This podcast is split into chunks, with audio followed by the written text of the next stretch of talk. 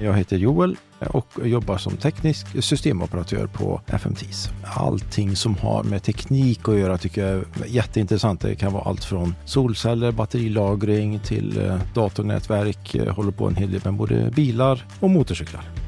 Ja, eh, orsaken till att jag hamnade egentligen med försvaret var väl att jag hade en väldigt positiv upplevelse som värnpliktig. Jobbade som radartekniker under ett år som värnplikten och eh, fick mer smak. Fick ju läsa i princip hela tiden under det året och det är ja, en positiv behandling av officerare och de, eh, de befälen jag hade då gjorde att när den här tjänsten dök upp då några år senare när jag hade gått ut i det civila så tänkte jag att nej, det här eh, känns som att det vill jag ha mer av. Och så jag började 99 då och så är jag kvar sedan dess. Som teknisk systemoperatör så är det mitt ansvar att se till att systemet håller eh, den tekniska standarden som gör att vi kan ha flyget i luften. Systemet får ju egentligen aldrig stanna utan på sin höjd degraderas. Och så min, eh, min uppgift då är att förklara för de som sitter och pratar med flygplanen att veta att ja, ni kan fortsätta just nu men Eh, systemet håller på att gå sönder eller det är ingen fara. Vi kan fortsätta med driften eller vi måste avbryta för att systemet kommer att stanna inom kort.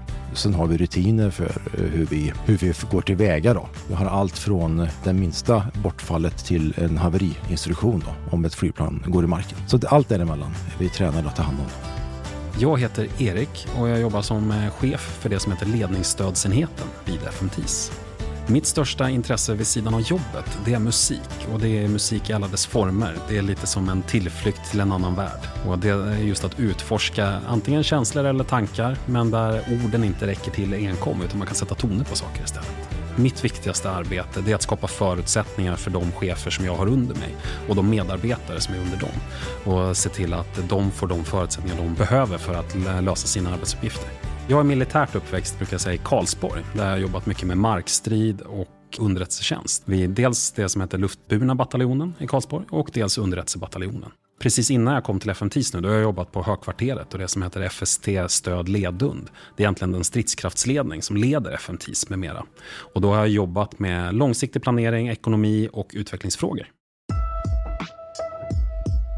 Tekniska systemoperatörer, TESOP, finns inom LSE vid det som heter luftavdelningen. Och luftavdelningen är den som samlar alla TSOP i Försvarsmakten som stöttar de olika stridsledningscentralerna som finns från de södra delarna i landet till de norra delarna av landet. TSOP spelar en viktig roll att vara en möjliggörare för Försvarsmaktens förmåga.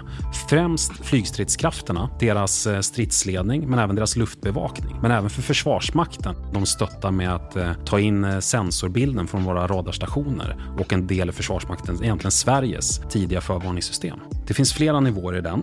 Men utan eh, TSOP som säkerställer funktionen i flygets stridsledningssystem, då skulle våra JAS-plan inte kunna starta och få en lägesbild och kunna verka fullt ut när de är i luften.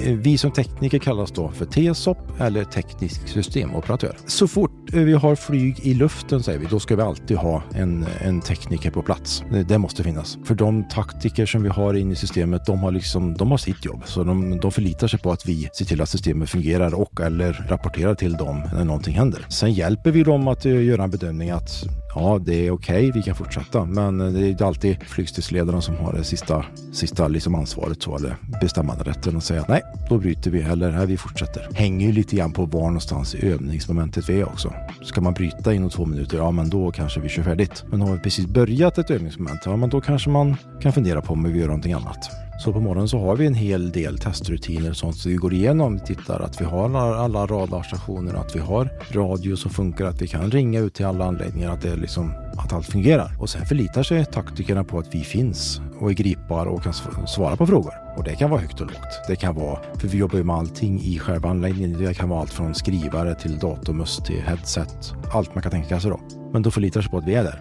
och hjälper dem. Avgörande kanske är att ta i, men vi är som sagt en viktig kugge. Är vi inte där så får vi inte köra.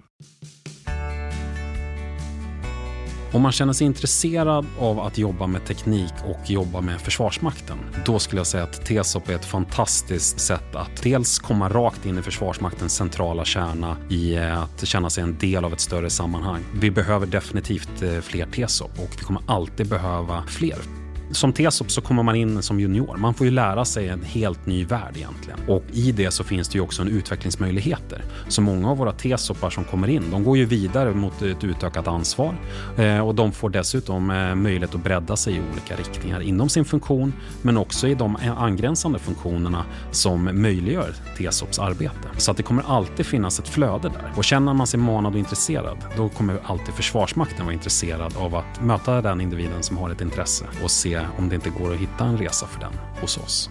Den typiska tekniska systemoperatören, jag vet inte om det finns någon typisk riktigt, men man ska ha ett brinnande tekniskt intresse, absolut. Man behöver ha lite kunskaper i nätverksteknik, vad vi kunna egentligen. Ja, lite Windows, Unix, jättebra om man kan det. Men framför allt så behöver man kunna funka i laget. Det är superviktigt. Och man behöver ha ett öppet sinne för nya system som man får in. För det händer gång efter annan att, man, att systemen kommer in så fort så att man knappt hinner gå utbildningen på dem. Och då får man inte liksom skjuta ut sig helt och hållet utan då får man liksom köpa läget. Och den egenskapen är viktig.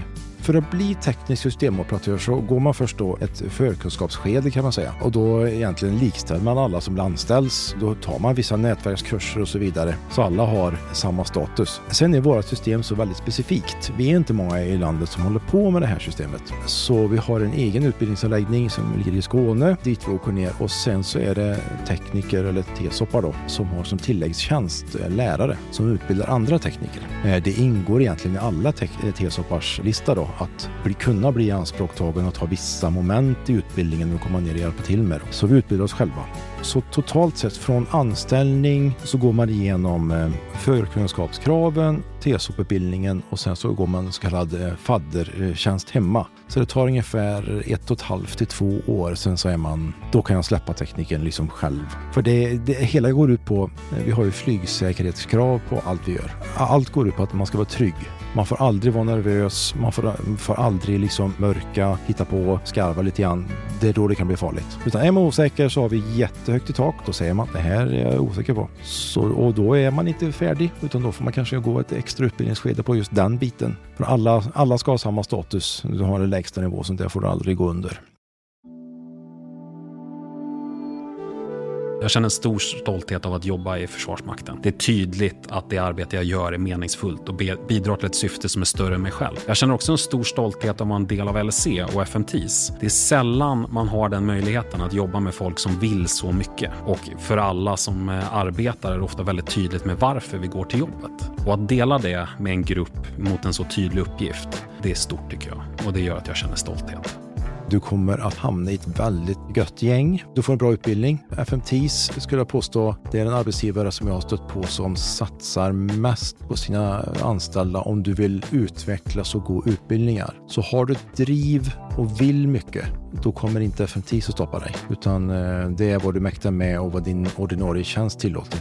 Har du idéer, tankar och sånt så kommer folk att lyssna på dig. Det skulle jag påstå. Det är riktigt kul.